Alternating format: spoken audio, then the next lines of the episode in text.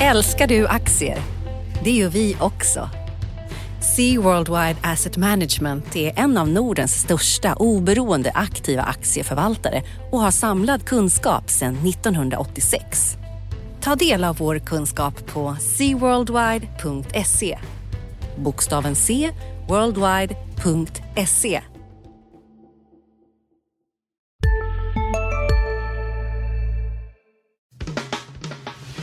Analyspodden från Dagens Industri. Hej allihop och välkommen till veckans avsnitt av Analyspodden, Dagens Industris poddforum för börs och finans och ibland politik och räntor och allting annat som är viktigt här i livet. Eh, jag heter Ulf Pettersson och med mig har jag Johan Wendel. God morgon Johan, det är fredag morgon när vi spelar in det här. Vad ska vi prata om tycker du? God morgon, god morgon. Nej, men vi ska prata om lite allt möjligt, men efter den här veckan så blir det såklart lite snack om inflation, både amerikansk och svensk inflation. Vi ska sälja, snacka om eh, Evolutions grundarduo som säljer aktier, Industrivärden säljer i SSAB och Volvo Cars till börsen och lite annat smått och gott. Men eh, ska vi dra igång? Ja, det tycker jag. Va, va, ska vi ta Evolution Gaming? Du är ju uppsjungen på det där bolaget sedan länge, Johan. Ja, men precis. Uh, här i veckan då, efter börsstängning tidigare i veckan så fick vi beskedet att Evolution Gaming, nu, nu då heter de Evolution här efter stämmobeslut, att uh, grundarduon där, Fredrik Österberg och Jens von Bar säljer drygt 4,2 miljoner aktier och det här motsvarar ungefär 15 procent av deras innehav i bolaget. Och eh, vi fick ingen riktig motivering först från, från senare när eh, vi intervjuade dem där. och De sa helt enkelt att det finns aldrig ett bra tillfälle att sälja, men de ville frigöra lite kapital till andra investeringar och välgörenhet och sådär. Eh, och, och, och kammade hem några miljarder på den här försäljningen och som alla, kanske, alla säkert vet vid det här laget så har ju Evolution-aktien gått strålande sedan den börsnoterades 2015 och fortsatt i den stilen här även senaste året och numera kvalar de ju in på finlistan OMXS30, alltså 30 mest omsatta bolag, omsatta bolag på Stockholmsbörsen. Så att, eh, ja, min slutsats var väl lite så här att eh, det, det, är absolut ingen positiv signal när en grundarduo säljer på det här sättet. Men det krävs liksom mer för att bli orolig. Det här är liksom 15 procent av deras innehav. Eh, de har sålt en gång tidigare, då sålde de också en lite mer av sitt innehav. Aktier har gått strålande sedan dess. De har kvar en hel del aktier i bolaget. Det är fortfarande, jag tror andra eller tredje största ägare fortfarande här. Så att, och, och sen ska vi komma ihåg att kvarvarande styrelsen och eh, ledningen äger ju ett eh, stort antal aktier, och optioner och teckningsrätter och betydligt mer skin in the game eh, om vi jämför med andra OMXS30-bolag där det kanske ofta är tjänstemän som har en väldigt liten del av sin privata förmögenhet investerad i bolaget där de jobbar på. Så jag tycker att det krävs mer än det här för att bli orolig. Eh, jag tror att Evolution-aktien har fortsatt goda utsikter.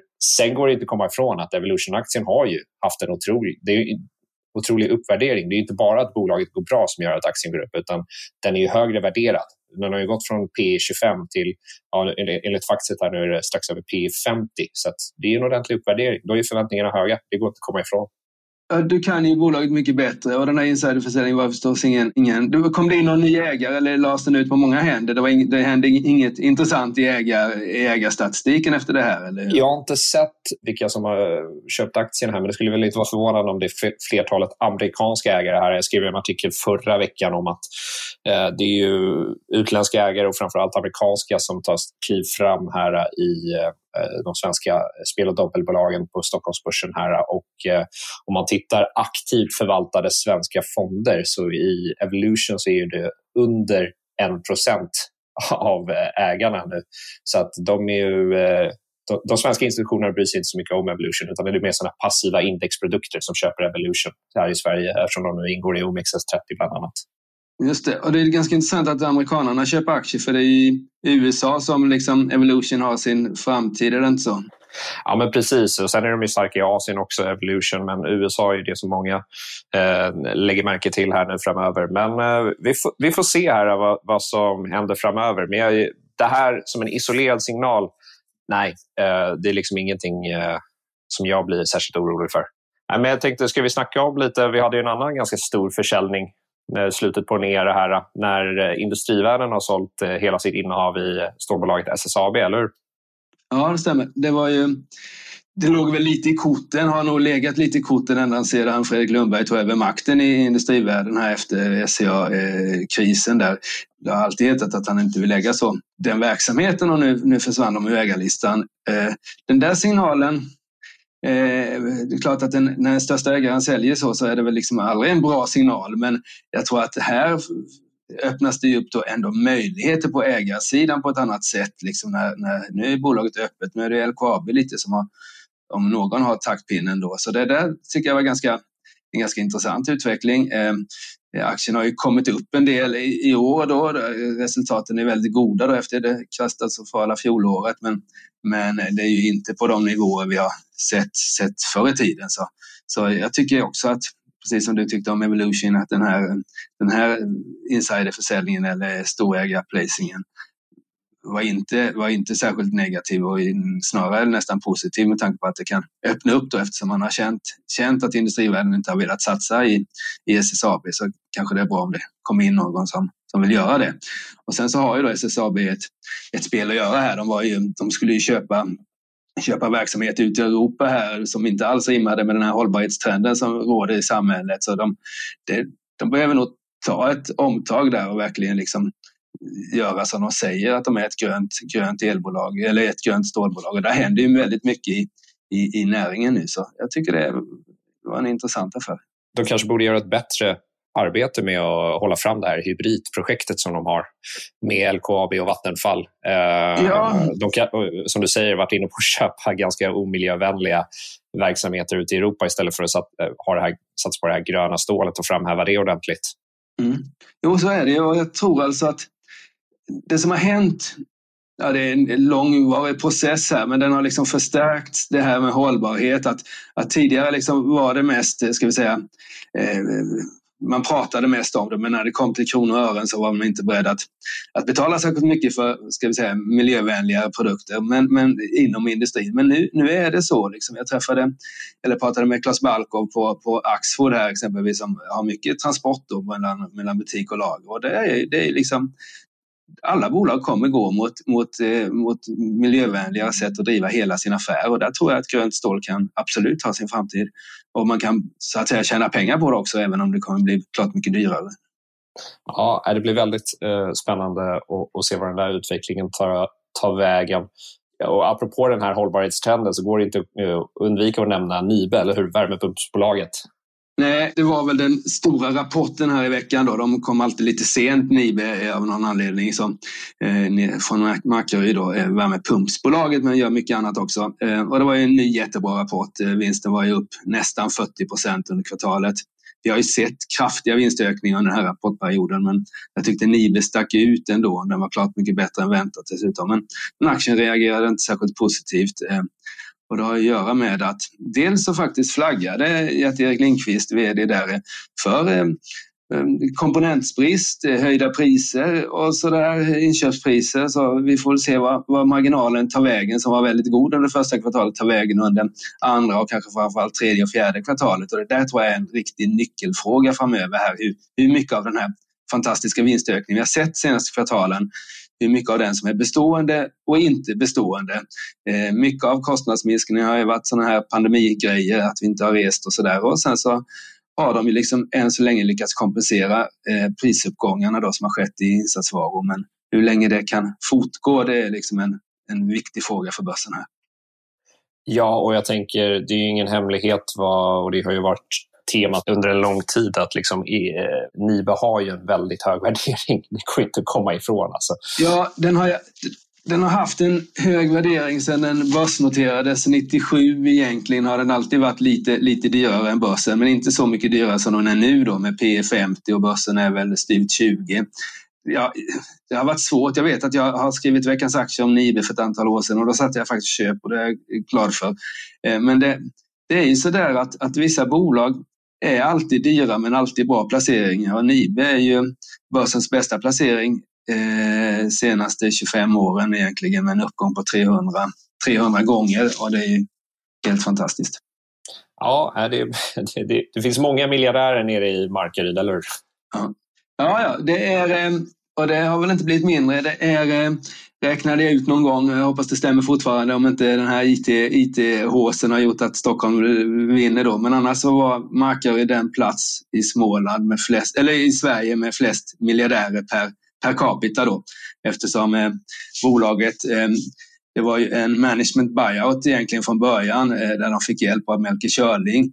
Och då var det en del en, eh, högre chefer som var med och gjorde det här utköpet då 90, ja, tidigt 90-tal och det har blivit en fantastisk affär för dem. Så de är miljardärer allihopa. Eh, och där har vi en, en intressant placing. Om det nu kommer, det vet vi inte. Det är möjligt att, men eh, tar vi Gert-Erik Lindqvist så är han ju faktiskt eh, närmar sig väl 70 här och det är klart att skulle han sälja av massvis av aktier och sluta och så där, då, då tror jag vi får en negativ effekt. Men det finns inget ty som tyder på det. Han verkar vara, vara, vara på gång fortfarande. Så. Men det där är ju lite spännande. Absolut, absolut. Och eh, sen har vi ju haft lite intressanta utveck eh, utvecklingar här med Volvo Cars, eller hur?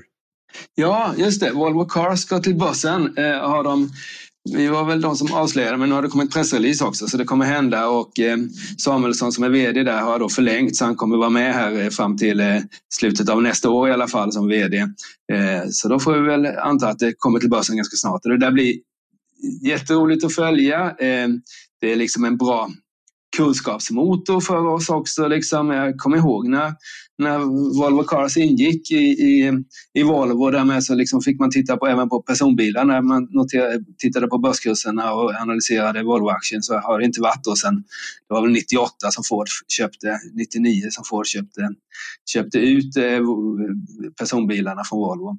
Men det är kul att de kom i, tillbaks igen och eh, nuvarande ägare har gjort en fantastisk, fantastisk eh, Eh, utveckling på det där bolaget. Jag tror att eh, det köptes då från Ford för 12 miljarder kronor och jag vet inte vad de siktar på att börsnoterade på, men det är ju inte 12 miljarder, det är snarare kanske 120 miljarder och då är det 10, 10 gånger upp på den där investeringen som har varit helt otrolig. Ja, är du köpare av aktien tror du? Nej, det tror jag inte. Nu, det beror ju på vad den kostar förstås. Eh, men ska vi säga, bilindustrin är ju i Sista dagarna nu på vårens stora season sale. Passa på att göra sommarfint hemma, både inne och ute. Och fynda till fantastiska priser. Måndagen den 6 maj avslutar vi med Kvällsöppet i 21. Välkommen till Mio. Hej, Synoptik här. Visste du att solens UV-strålar kan vara skadliga och åldra dina ögon i förtid? Kom in till oss så hjälper vi dig att hitta rätt solglasögon som skyddar dina ögon. Välkommen till Synoptik. Alla kommer vi ha elbilar så småningom, men vägen dit är ju ganska problemfylld eh, och ojämn och eh, kostnadsintensiv för de här. Och, så, och det, liksom, eh, ja, det känns som det är lite för mycket osäkerhetsfaktorer i bilindustrin för att man bara liksom ska köpa det. Men det är klart att blir det för billigt så, så får man väl då köpa. Men, men det är faktiskt en resa de har att göra här och vi vet inte riktigt hur det kommer gå. Men jag klart jag köper ju hellre Volvo PV än Tesla för Tesla känns som att de har tagit ut framgången helt och hållet. Då. Eh, och nu märker man ju då hur deras marknadsandel faktiskt minskar lite inom elbilar här. Så det, ja. Men eh, nej, det, det, den, den jobbig industri har, brukar faktiskt inte lyckas tjäna så mycket pengar trots trots att det är en väldigt stor industri och med den här el, el kommer. kommer säkert bli jättebra för bilindustrin på sikt men vägen dit tror jag är kostsam. Ja, jag, jag håller med dig. Uh, bilindustrin i sig kanske inte lockar till investering. Och, så det beror, det beror helt på priset. De sätter på. Ja, det beror helt på priset och vi kommer, vi kommer inte äga bilarna på samma sätt som vi har gjort nu. Men något som är, är intressant i det är att alltså, det är fram till det 100% elbilar som, som är krångligt. Men när vi har majoriteten elbilar, då tror jag det kan vara en intressant affär för det är ju, borde vara mycket billigare att tillverka en elbil än en förbränningsmotorsbil. Och, eh, alltså, och folk har då ändå vant sig att betala de här priserna man gör för bilar så då borde det kunna bli en, en god affär eh, i framtiden. Men som sagt var, eh, hur man äger det förändras också kraftigt och sådär. Och, och, ja, men som sagt var, på kort sikt och medellång sikt så tror jag inte bilindustrin kan vara så är särskilt intressant. Men på lång sikt med bara elbilar tror jag de kan hitta en väldigt lönsam affär egentligen. Ja, det blir, blir intress- eh, vi får se om det blir av. Vi vet ju att det ställdes in den här när de skulle slås ihop med Geely ställde de ju in här. Det kom de ju strax innan coronapandemin bröt ut där i februari i fjol. Fick de ju ställa in och nu är det bara Volvo. Då, så, så vi får se vart det där tar vägen om det blir av. Det är inte skrivet i sten. Bra, men det har ju inte bara varit börs utan tvärtom så har det varit mycket icke-börs också. Vi fick ju en riktig, eh, riktigt överraskande hög inflationssiffra i USA här som, som eh, satte lite press på marknaden åtminstone delvis. här. Vi har ju haft en ganska svängig utveckling i New York under de här dagarna vi har varit lediga i, i Sverige då med stängd Eh, stängt i torsdags och stängt halva onsdag så har det varit väldigt rörligt där på andra sidan Atlanten. Men, eh, och det var väl inflationssiffran som, som stökade till det. Den kom in Inflationen är 4,2 procent i årstakt nu i USA och det är klart att det är ju väl över de här 2 procenten som, som centralbankerna vill ha, vill ha räntan på lång sikt. Och nyckelordet här är ju, de har ju ta, talat om övergående priseffekter, att man inte ska bry sig om de här siffrorna har Fed, Fed och chefen Jerome Powell varit inne på här. Så vi får väl se eh, helt enkelt om de håller fast vid det eh, eller om de ändrar, ändrar ståndpunkt där. Det blir det som är nyckeln. Eh, en sån här inflationssiffra är väl kanske ingen fara, men börjar det ticka in månad efter månad så blir det intressant att se hur de agerar. Ja, och det där är, jag, skrev, jag skrev en kommentar i veckan här när, det, när börsen eh, började falla här. Eh, Eh, 3 procent. Och sen så skrev jag då att nej, men det här är nog bara en rekyl precis som de vi såg i juni förra året och oktober förra året. Då hade vi en nedgång på en knappt 10 procent. Men skrev jag då också att skulle räntan börja gå upp eh, i USA då, som styr det här, eh, då kan vi så att säga vända börstrenden på riktigt då, som har varit väldigt kraftigt uppåt sedan mars förra året. Och sen dagen efter så kom ju den här inflationssiffran, eller två dagar efter. Och eh, eh då fick vi lite ränteuppgång, men inte någon jätteränteuppgång. Den gick från 1,60 eh, till eh, upp mot 1,70 och nu har den börjat backa tillbaka igen. Så det där är en, det där skulle jag säga är en riktig om vi pratar om vad det gäller bolagens vinster så har vi de här kostnadsgrejerna. Och tar vi liksom allmän värdering och risk, riskprofil på börsen så är det den här amerikanska långräntan som är helt avgörande för ska vi säga, ja, hela året egentligen. Och hittills så har ju då eh, Fed lyckats hålla nere långräntorna trots att inflationen nu är över 4% och tillväxten är ännu högre i, i amerikansk industri eller amerikansk ekonomi. Och det blir väl intressant att se där vad Fed tänker kring sitt eh, tillgångsköpsprogram. Alltså där man, de ligger och köper massa obligationer via sina stora program. Och om man signalerar liksom så här så kallad tapering där, att man ska avsluta eller minska de programmen. Och där får vi hålla utkik också. Ja, det får vi göra. Men det är klart att Fed vill ju inte och inte deras kollega Stefan Ingves hemma i Sverige heller på, på Riksbanken det är ju ett, ett delikat uppgift de har här att, så att säga, försöka normalisera penningpolitiken utan att orsaka en, en börskrasch eller fallande fastighetspriser, kanske ännu viktigare då. Å andra sidan så, så känner man nog inom centralbankshåll att det var inte meningen att man skulle driva upp tillgångspriserna som man har gjort här senaste året. Vi har en prisuppgång på fastigheter i, i, i Sverige på 20 procent och USA växer, stiger också priserna kraftigt. Så det är där hur man ska hantera det där utan att så att säga eh, eh, utan att skapa oro. Det, det kommer att vara en otroligt viktig fråga eh, under det här året. Ja, att Riksbanken har legat och köpt bostadsobligationer för många miljarder kanske inte så lyckat med nu när vi har facit i hand. Liksom. Nej, det, alltså, det har visat sig att, att den, den obligationsmarknaden har funkat oerhört bra eh, under den här tiden. Då behöver man inte extra hjälp av Riksbanken. Och det är liksom, och jag tror att de gör det ja, de har gjort det och de, de är nöjda med att de har gjort det och sådär. Men, men det är klart att det skapar ju en obalans här. Alltså vi har ju mellan de som har ägt sin fastighet och de som inte äger sin fastighet. Det skapar ju enorma eh, klyftor i samhället. Som liksom, det, är inte, det är inte bra på ett samhälle att det blir så här. Liksom. Absolut, absolut. Och eh, centralbankerna är ju mer än väl medvetna om det här och skulle de vara här så skulle de väl invända då att eh, ja, men alternativet med en höjd ränta är värre därför då blir det högre arbetslöshet och då drabbas de längst ner på samhällsstegen ännu hårdare.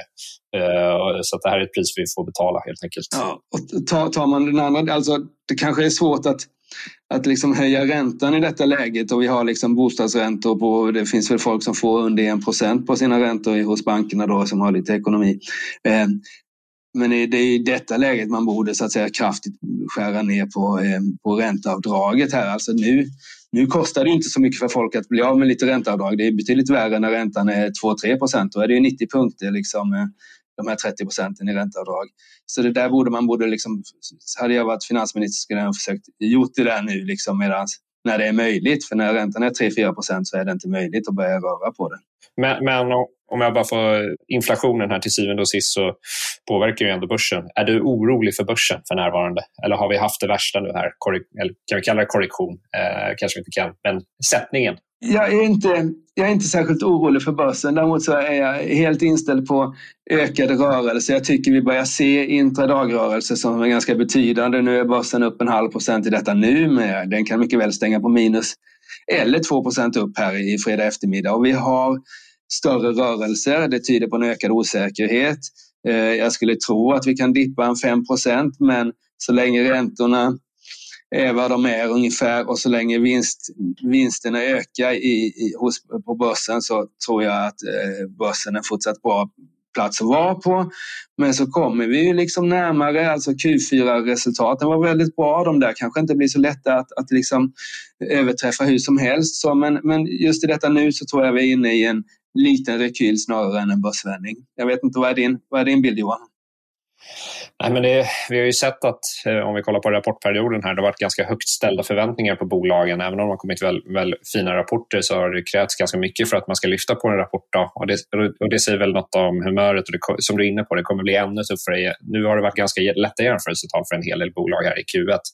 Blickar vi mot Q3, Q4, då kommer det bli betydligt svårare att nå upp till de där. Precis, och då är ju frågan. Men jag tror som sagt vad det kan bli en... Att, att, att sell in May, stay away är ju liksom så... Jag är, det känns fullt rimligt med ett nedställe på 5% till förutom de här 2-3 procenten vi haft då sedan toppnivån. Och sen får man väl se efter sommaren och hösten och hur, hur, liksom, hur det känns då. Det är väl min, min lilla bedömning. Ska vi titta in i nästa vecka och inte bara prata sommar och så. Ehm, vad är det stora? Fed kommer ju med sitt, med sitt eh, eh protokoll. Då. Det, måste vara, det, det, tror jag folk kommer läsa extra noggrant med tanke på den inflationssiffra vi såg i veckan. Ja men verkligen och se vad de kommenterar där. Och det kommer väl vara det vore väl någon chock om något annat när de pratar om eh, hög inflation här som ska vara övergående när samhället öppnar upp och, och så vidare. Men och sen så får vi väl se vad marknaden reagerar på det. Är det något mer vi borde tänka på nästa vecka? Nej, jag tycker vi borde tänka på att det känns som att sommaren börjar närma sig och det är jätteroligt. Eh, som sagt var, eh, rapportperioden har ebbat ut på riktigt här och nu är det då mycket makro, eh, mycket centralbank och var inflationen ska ta vägen. Eh, vi fick en liten inflationschock i USA i veckan här och vi får se eh, vad kommande data säger om det var en tillfällighet som alla hoppas på eller om, eller om vi faktiskt har fått en varaktigt högre inflation här eh, efter, efter pandemin. Ja, vi får väl börja med att kolla hur det går på börsen nästa vecka. Men annars får vi tacka folk för att de lyssnade idag. Det får vi göra. Och eh, ni har lyssnat på Analyspodden med eh, mig, Ulf Pettersson och Johan Wendel från Dagens Industris analysredaktion. Och när ni har lyssnat på oss får ni gärna lyssna på våra systerpoddar också. Johan, du vet vad, vad de är för någonstans? Ja, men vi har ju DI Digitalpodden till exempel och varje morgon kan man ju få DI Morgonkoll som ger de viktigaste nyheterna bra sammanfattat på morgonen. Så det är väldigt smidigt och bra, så då tycker jag man ska lyssna på. Ja, och Makropodden också som, som kommer med, med Viktor Munkhammar. Eh, tack ska ni ha allihopa för att ni lyssnade på eh, oss idag och ha en skön helg så hörs vi igen nästa fredag. Tack så mycket. Hej. Tack, hej. Analyspodden från Dagens Industri. Programmet redigerades av Umami Produktion. Ansvarig utgivare Peter Fellman. I DITVs program Hållbart näringsliv fokuserar vi på företagens E, S och G. Vilka är utmaningarna och vilka är lösningarna? Hör storbolagen om omställningen, entreprenörerna om de nya möjligheterna och dessutom tipsar förvaltare om sina bästa hållbara aktiecase. Missa inte Hållbart näringsliv med mig, Nike Mekibes, varannan onsdag på DITV och på di.se. Varje vardag klockan sju uppdaterar DITVs Morgonkoll dig om natten och morgonens viktigaste nyheter. Från börsstängningen i New York till läget i den asiatiska handeln. Och strax därefter kommer podden med samma namn. Prenumerera på Morgonkoll du också så är du uppdaterad inför varje ny arbetsdag. Morgonkoll finns där andra poddar finns.